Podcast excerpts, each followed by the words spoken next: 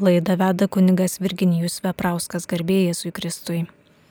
Ir panelė švenčiausiai taip pat malonus Marijos radijo klausytojai girdima laida aktualieji bažnytinės teisės klausimai.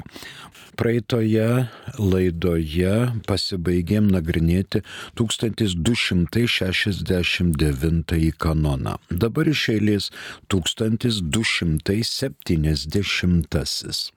Nekilnojamieji, vertingi, kilnojamieji daiktai tiek asmeninės, tiek daiktinės teisės ir ieškiniai priklausantys apaštalų sostui įsisenėja per šimtą metų, o priklausantys kitam viešajam bažnytiniam juridiniam asmeniui per 30 metų. Kodekse pažymėtas sąskambis vertingi daiktai. Kas tai mes sąrašo neturime. 1917 m. kanonų teisės kodekse 1497 nusakė, kad vertingi daiktai yra daiktai turintys meninę, istorinę, materialinę vertę. Dabar tai irgi sprendžia ne sąrašas, o vyskupų konferencija ir atskiras ordinaras savo vyskupijoje. Pavyzdžiui, kaip galima įvertinti šventojo popiežiaus Jono Pauliaus antrojo juostą aplaistytą krauju. O kokią jinai vertę ten turi? Paprasčiausia juosta. Bet kadangi aplaistyta šventojo krauju, tai jau iškart yra relikvija. Tai koks čia yra vertingas daiktas? Aišku, kad čia yra vertingas daiktas, nes tai yra relikvija.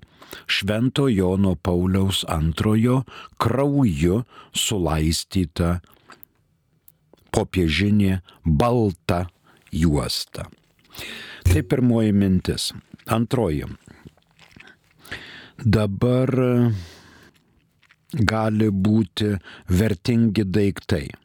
Pavyzdžiui, presbiterijoje meniniai baldai.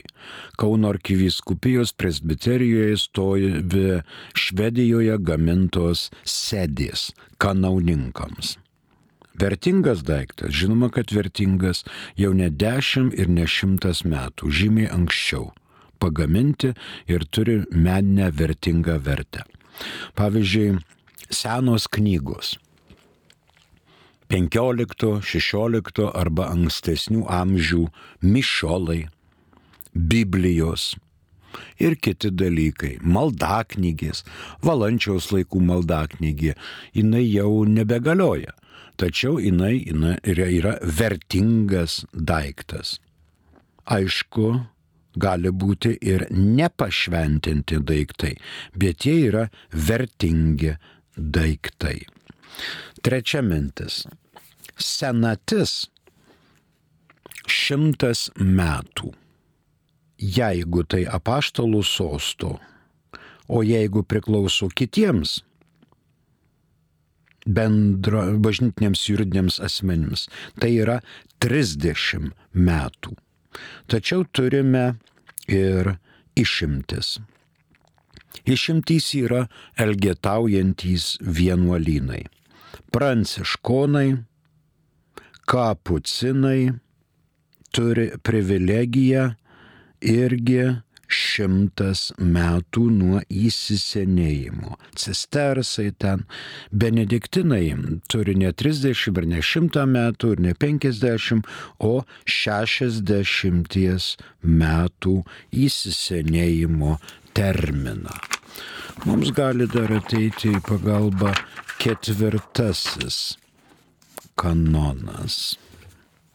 Įgytosios teisės taip pat tiek fiziniams, tiek juridiniams asmenims apaštalų sosto likščiol suteiktos galiojančios ir dar neatšauktos privilegijos lieka nepakitusios nebent būtų aiškiai atšauktos šio kodekso kanonų. Tai reiškia, privilegijos yra suteiktos ir neatšauktos. Dabar turime telefono skambutį, prašom. Klausytojas Vajūnas nori paklausti. Garbėjai su Kristui. Per amžius amen. Tai norėjau paklausti, vat kaip tik kalbate apie e, šitą bažnytinį turtą. Ir jeigu norint padaryti kažkokį tais remontą, sakykime, išorės ir reikalauji pavelt, kad e, projektas būtų, jis tikriausiai labai daug kainuoja ir bet atnaujint fasadą, taip kaip ir parapijos galimybėm kažkokios yra. Bet, bet kadangi reikalauja projektai ir ten visi kiti susiję dalykai, ar yra gal kokių sprendimų, kurie galėtų kažkaip tais palengvinti, kad savo mėgom padaryti tokius darbus. Ačiū svajūnai. Mes gyvename teisinėje valstybėje. Turbūt daugybė bažnyčių priklauso kultūros paveldui. Dalis yra medinės, dalis yra mūrinės, akmeninės ir jos visos yra kultūros paveldo registre. Kai kur klebonas negali nei vinio įkalti į sieną, kadangi tai yra kultūros paveldas, nekalbant jau apie grindų keitimą arba fasado keitimą. Ir matot, svajūnai, kadangi mes esame teisiniai valstybei, tai kultūros paveldas yra viską labai smulkiai suanalizavęs, susistematizavęs ir žino, kas dedasi kokioj bažnyčiai. Jeigu klebonui pradeda atrodyti, kad reikia langus keisti ar dar ko, jis privalo rašyti projektus.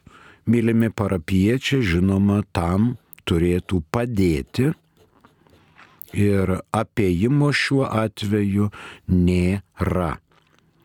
Nes bažnyčia yra kultūros paveldo objektas tos, kur dabar naujai pastatytos, va ten dar turbūt ne visos išbaigtos, ten galima ir fasadus dažyti, ir stogus keisti, ir varpinės, skardas ir taip toliau.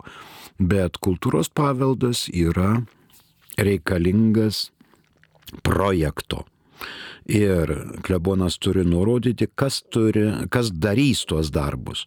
Negali sakyti, kad čia Stasys su Jonu ateis ir nuterlios turi turėti leidimus ir licenzijas firma arba statybinė organizacija, kad galėtų dirbti su kultūros paveldo objektais. Ačiū svajūnai. Tik ką pacitavome ketvirtąjį kanoną, kuris iliustruoja 1270 kad suteiktos privilegijos, jeigu jos neatšauktos, jos žinoma galioja dėl senaties, dėl įsisenėjimo. Be to, bažnyčia kaip ir visuomet žvelgia į civilinę teisę ir į konkordato reikalus. Civilinė teisė, šiuo atveju kultūros paveldas, žinoma, reguliuoja bažnyčios ir valstybės santykius. Ir konkordatas pasirašytas tarp šiuo atveju Lietuvos Respublikos ir paštlų sostų taip pat reglamentuoja šitos dalykus. Jie konkordate turi būti aptariami ginčytini klausimai ir jų sprendimo būdas. Ketvirta mintis. Tiek bažnytiniai daiktai, tiek vertingi privalo būti inventorizuoti. Turi būti inventorizacijos knyga, kurioje šie daiktai turi būti surašyti, aišku, fotofiksacija ir kiti dalykai. Jei jie yra jau vertingi daiktai, jų alienacijai arba išleidimui iš parapijos ribų reikalinga ne tik tai vietos vyskupo dekretas arba leidimas arba rekomendacija, bet ir apaštalų sostų leidimas. Ta duoda dvasininkų reikalų kongregacija. Pavyzdžiui, klebonas sugalvoja ir nori parduoti aušros vartų paveikslą. Labai brangiai, labai neblogai, nors ten vertės gal ir nėra didelės jo požiūriu, ant lentų tapytas, net ne ant drobės, Na ir vat ten žiupsnelis keli litrai dažų, ką tenais, bet pasiūlė gerą kainą, jis nori tą paveikslą kažkam parduoti. Aišku, sukyla visi ir žiūri, kad čia yra nesusipratimas, klebonas tokios teisės neturi, viskupas jokio leidimo neduoda, apaštalo sostas net pašoka nuo kėdės ir sako, kas čia dabar, kad norite vertingą daiktą parduoti ir koks čia reikalas to. Dar vienas dalykas, jeigu vertingas daiktas priklauso UNESCO organizacijai. Tai dar reikalingas ne tik vyskupo ir dvasininkų reikalų kongregacijos, bet ir apaštalų sosto kultūros reikalų komiteto leidimas kultūros reikalų komitetas, kad neišeitų bažnyčiai svarbus, vertingi daiktai, nepamatuotai kur nors į ką nors. Dabar dar mums gali rūpėti 1189 kanonas. Jei kada nors vertingiems paveikslams būtų išsiskiriantiems senumu, meniškumu ar kultu, įstatytiems tikinčiųjų gerbiamoje bažnyčioje ar oratoriumuose būtų reikalingas atnaujinimas, jie niekada negali būti restauruojami be raštiško ordinaro leidimo.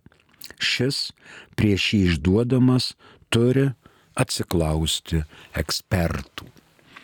Atvažiuoja klebonas ir sako, ai čia pas mus aprūkę visi paveikslai juodi, štai yra labai kompetentingas studentas, kuris pasisiūlė labai pigiai čia tuos paveikslus atrestauruoti, atpiešti ir čia bus labai gerai. Žmonės bus patenkinti, nes tuose paveiksluose čia jau juodi veidai, čia nieko neižvelgsi, ką jis rankoje turi, ar kokį vinkelį, ar kokią plunksną, ar knygą laiko. O vad studentas, jisai jau pradėjo mokslus universitete, jis gali drąsiai čia tą padaryti. Taip reikalai netvarkomi. Matot, jeigu verting, vertę turintys paveikslai, jau mūsų bažnyčiose veik visose yra vertingų paveikslų, norint gauti restauraciją, ir redimą restauracijų kreipiamas į vyskupą, o vyskupas konsultuojasi su ekspertais, ne su studentais, bet su ekspertais. Klebono nuomonė čia mažai ką reiškia, nes klebonas yra dvasininkas, o vyskupas jau pasiklausė komisijos, ką komisija mano ir ar paveikslas bus restauruojamos, restauruojamos čia kokioj pirkioj kaime ant taburetės pastačius, ar tai Gudino restauracijos centre, ar dar kur nors atitinkamai pagal kompetenciją. 1189 reikalauja net ir restauracijai vertingų daiktų gauti vyskupo raštišką leidimą. 1272 atitikmuo rytų kanonuose yra 1019. 1270 fiksuojam. Jei šventieji daiktai yra privačių asmenų nuosavybė, mm, atsiprašau, nekilnojamieji vertingi, kilnojamieji daiktai. Tiek asmeninės, tiek daiktinės teisės. Ir ieškiniai priklausantys apaštalų sostui įsisenėja per šimtą metų. O priklausantys kitam viešajam bažnytiniam juridiniam asmeniui per 30 metų. Kitas 1271. Vyskupai dėl vienybės ir artimo meilės ryšio pagal savo vyskupijos galimybės turi prisidėti pasirūpindami, parūpindami priemonių, kurios reikalingas apaštalų sostui pagal laikotarpio sąlygas, kad pajėgtų tinkamai vykdyti savo tarnystę visuotiniai bažnyčiai. Mums vėl paskambino, prašom. Klausytojas Juozas. Klausom jūsų. Gerbėjai Jėzui Kristui. Per amžius amen. Juozas iš Marijampolės. Malonu. Norėjau paklausti, ar galima laidoti katalikų bažnyčios tikintieji kapo duobėje, kurioje prieš 53 metus buvo palaidotas savižudis. Ačiū labai. Mm, kodėlgi ne? Kodėlgi ne? Galima. Kapo duobėje. Galbūt tai yra to mirusiojo tėvas arba motina. Savižudė, taip galima. E, senoji teisė draudė savižudžius laidoti katalikų kapinėse, kad jos būtų neišniekintos. Savižudžiai, nekrikštai vaikai, pakaruokliai ir taip toliau buvo laidojami už šventoriaus tvoros. Tuo parodant nepagarbą asmeniui, kuris baigė savo gyvenimą pakeldamas prieš save ranką. Dabar bažnyčia mano, kad ne vienas sveikas žmogus to neturėtų daryti. Kartais tą daro labai dažnai žodžiu sergantys žmonės. Vienas ar kitas sutrikimas, depresija, nerimas, neurozija, kitokie, reiškia, simptomai ir tada šeima patiria didelį smūgį. Ir ateina pas kleboną, klebonas sako, aha, nusižudė, tai laidokitės patys. Tai dar tada didinamas šeimai skausmas, kad klebonas atmetė. Ir niekas nesako, kad klebonas kvailys, bet sako, kodėl Dievas toks negailestingas, kad nesupranta mūsų šeimos skausmo. Todėl bažnyčia dabar žiūri labai atsargiai ir netgi savižudžiams teikia palaidojimą, jeigu yra pakankama priežastis liūdėjimai, kad žmogus sirgo. Žmogus sirgo. O dabar į tą pačią duobę, ten jeigu kapinis siekia kelišimtus metų, tai tenais visko yra prilaidota ir visokių yra prilaidota. Anksčiau ir kapinės buvo šventa vieta. Bet dabar kapinės priklauso nebe bažnyčiai, o priklauso valstybei. Ir valstybė administruoja kapines. Ir ten laidojami visokie, ne tik tai katalikai, bet ir kitų išpažinimų asmenys. Todėl ir kunigas ne, nešventina visų kapinių, o tik tai būtent tą duobę, į kurią gulasi krikščionio kataliko kūnas. Galima, galima. Ačiū, Juozai. Dabar dar vienas klausimas. Esama žinutė, prašom. Garbėzui Kristui, kada švenčiamos šeštinės ketvirtadienį ar ateinantį sekmadienį. Lietuvoje šeštinės švenčiamos ateinantį sekmadienį. Ir tai yra katalikiškos žiniasklaidos paremimo diena. Per šeštines rinkliava daroma katalikiškai žiniasklaidai paremti. Žiniasklaida tai ir karitas, ir artuma, ir, ir visi kiti dalykai tame tarpe ir Marijos radijas, kurie šeštadienį ateisime, tai remsime katalikišką žiniasklaidą kunigai yra klebonai įpareigojami mėnesio bėgyje sunešti aukas į kuriją, kad būtų skirstomos katalikiškai žiniasklaidai. Šeštinės yra viešpaties Jėzaus žengimo į dangų diena. Po to dar kitą sekmadienį sekminės šventosios dvasios atsiuntimo į žemę diena. taip pat sekmadienės. Ačiū. Daugiau klausimų turbūt neturime, eikime prie savo tiesioginės temos. 1271 kanonas. Nuo 7 amžiaus buvo pradėta remti visuotinė bažnyčia.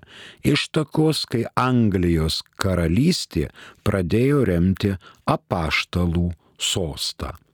Įsakymų nebuvo, bet karalystė pradėjo laisvanoriškai, po to įsivystė viena kita vyskupija, pradėjo vienas kitas kraštas remti visuotinės bažnyčios viešuosius poreikius. Po Vatikano valstybės žlugimo čia Musolinio laikais pradėjo laisvanoriškas aukų plaukimas į Vatikaną. Nes anksčiau Vatikanas turėjo žymiai didesnės privilegijas ir sklypus, ir žemės, ir iš to išsilaikydavo. Dabar liko 44 hektarai. 1917 metais dar kanonų teisės kodekse dar nebuvo suformuluota šita apaštalų sosto rėmimo procedūra. Tai atsirado tik tai po Vatikano antrojo susirinkimo. Antra mintis. Vyskupas turi vienybės ir meilės ryšį. Ir šios meilės vedamas jis nuo savo viskupijos skiria visuotiniai bažnyčiai tam tikrą dalį. Mums ateina į pagalbą 1266. Visose bažnyčiose ir oratoriumuose taip pat priklausančiuose vienuoliniams institutams, faktiškai nuolat atviriems Kristaus tikintiesiems, vietos ordinaras gali įsakyti rinkti specialias konkretiems parapijos vyskupijos, nacionaliniams ar visuotiniams projektams skirtas rinkliavas, kurios vėliau rūpestingai turi būti perduotos vyskupijos kūrijai. Tai reiškia ne vien parapijose, bet ir vienuolynuose. Kitas mums rūpimas kanonas tai 380 pirmojo kanono antrasis paragrafas. 381 antrasis.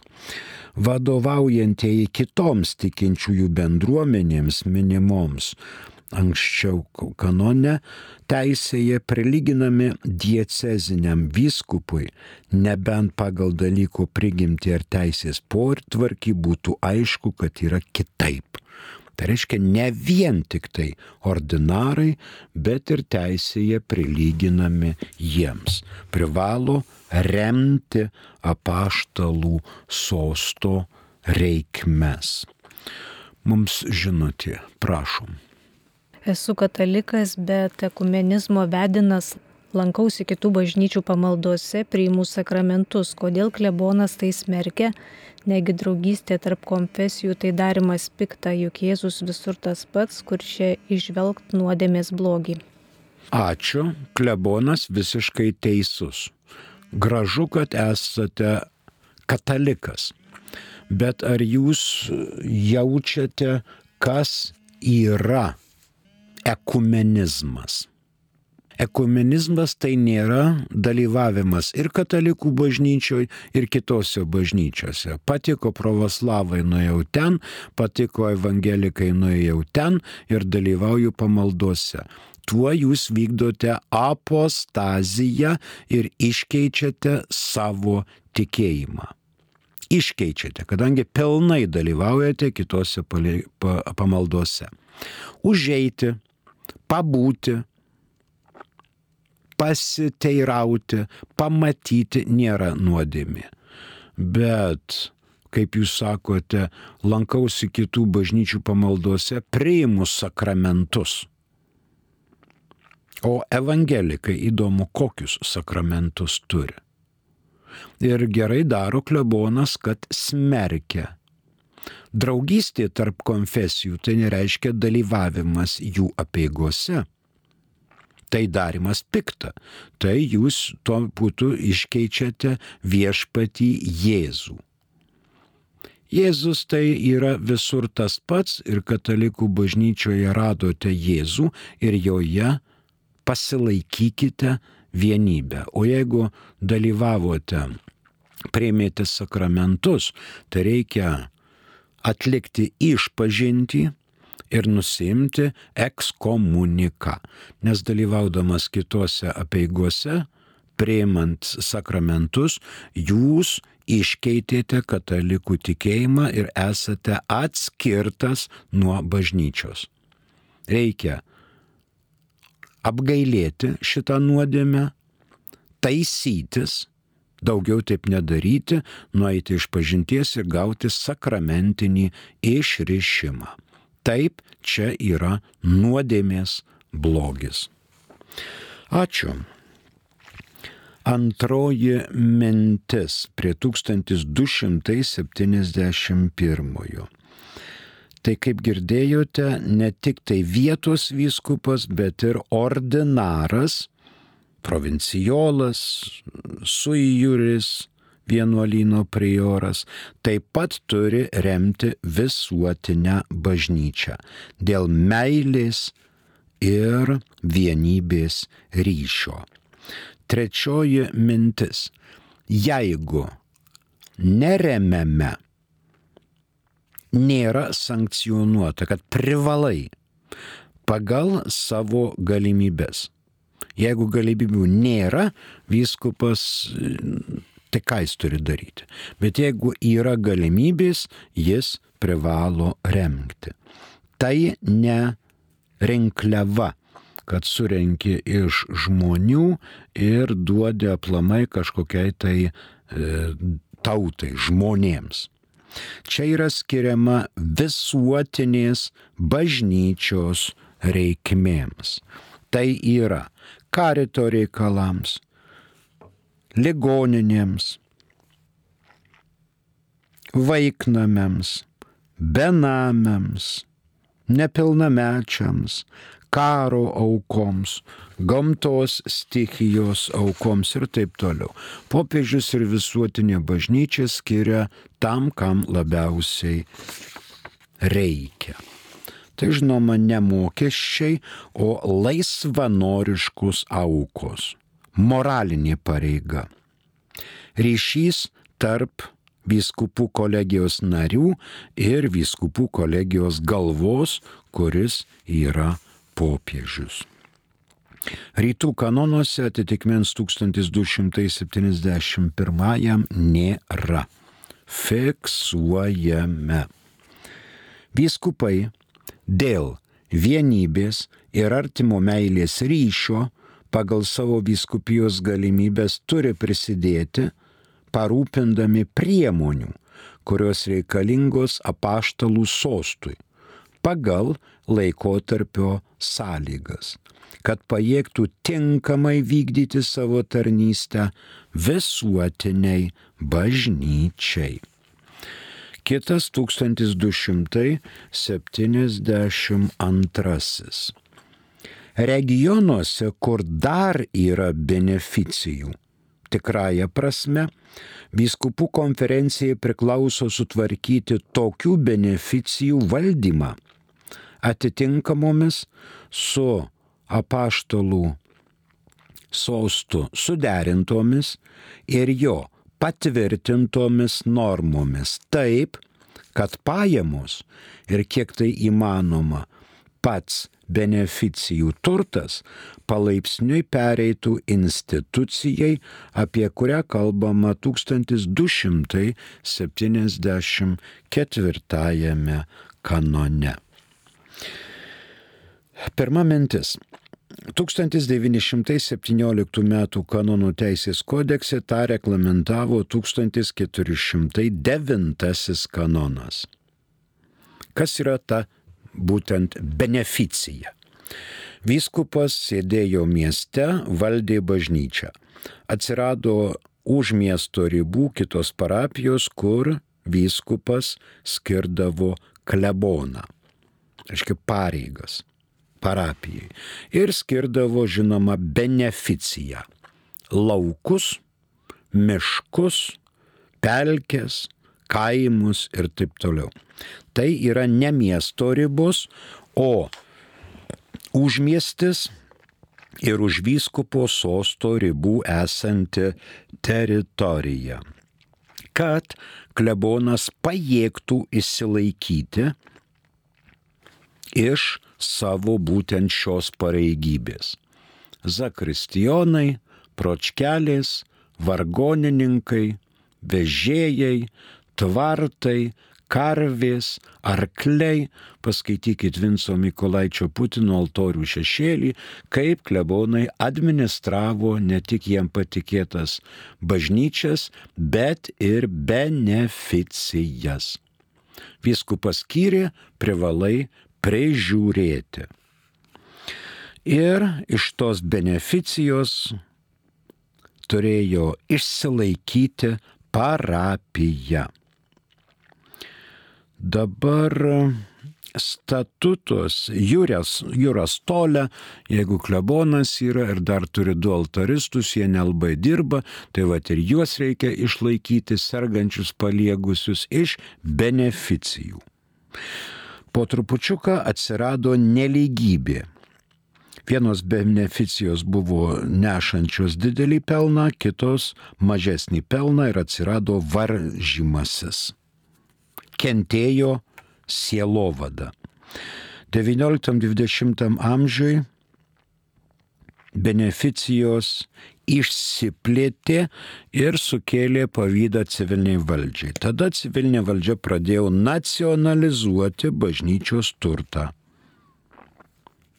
Kartais imdavo ir nacionalizuodavo. Atsibodo, kad bažnyčia turi daug pinigų, mes ją apkarpysim. Ir apkarpė. Dabartinė teisė tokias beneficijas stengiasi pervesti į viskupijos institucijas, kad viskupija padėtų išsilaikyti saviem kunigam. Kad tai nebūtų parapijos beneficija, bet kad tai būtų visos viskupijos beneficija. Naujų beneficijų dabartinė teisė naujų beneficijų steigimo nenumato. Kiek yra, tai dar toleruojama, nes 1272 tai yra kompromisas. Kaip girdėjote, kiek įmanoma. Čia kompromisas tarp tų, kurie nori išlaikyti beneficijas ir tarp tų, kurie tų beneficijų nenori matyti katalikų bažnyčioje. Viskupų konferencijos turėtų naikinti tas beneficijas ir pervesti į viskupijos kompetenciją. Aišku, atsižvelgiama į įgytąją teisę, į privilegijas, į aukotojų valią ir taip toliau.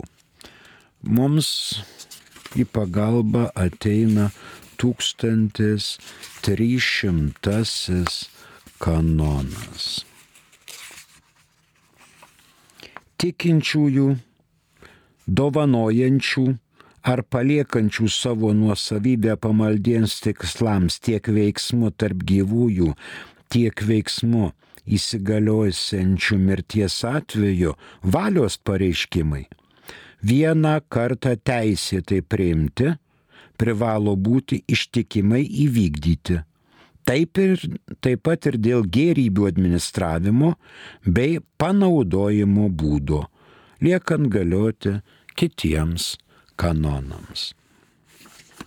Tiek dėl to, tiek dėl šito. Lieka galioti tikinčiųjų valia. Na, vyskupų konferencija gali priimti vieną ar kitą sprendimą, bet ji turi gauti apaštalų sosto leidimą. Tarkim, paštalų sostas kol kas nepatvirtino. Žiūrima į kiekvieną atvejį individualiai, į laiko ir vietos aplinkybės. Dar galima žvilgterėti į 281 kanoną. 281 kanonas. 281. Kadangi dvasininkai pasišvenčia bažnytiniai tarnystei, jiems priklauso jų padėti atitinkantis atlyginimas, atsižvelgiant tiek į pareigų pobūdį, tiek į vietos ir laiko sąlygas, leidžiantis jiems pasirūpinti savo gyvenimo poreigiais ir teisingai atsilyginti jiems patarnaujantiems. Dar nebaigėme, kitoje laidoje baigsimės, dabar mūsų laikas išseko. Ačiū už klausimus, prie mikrofono dirbo kunigas Virginijus Veprauskas, ačiū ir sudie.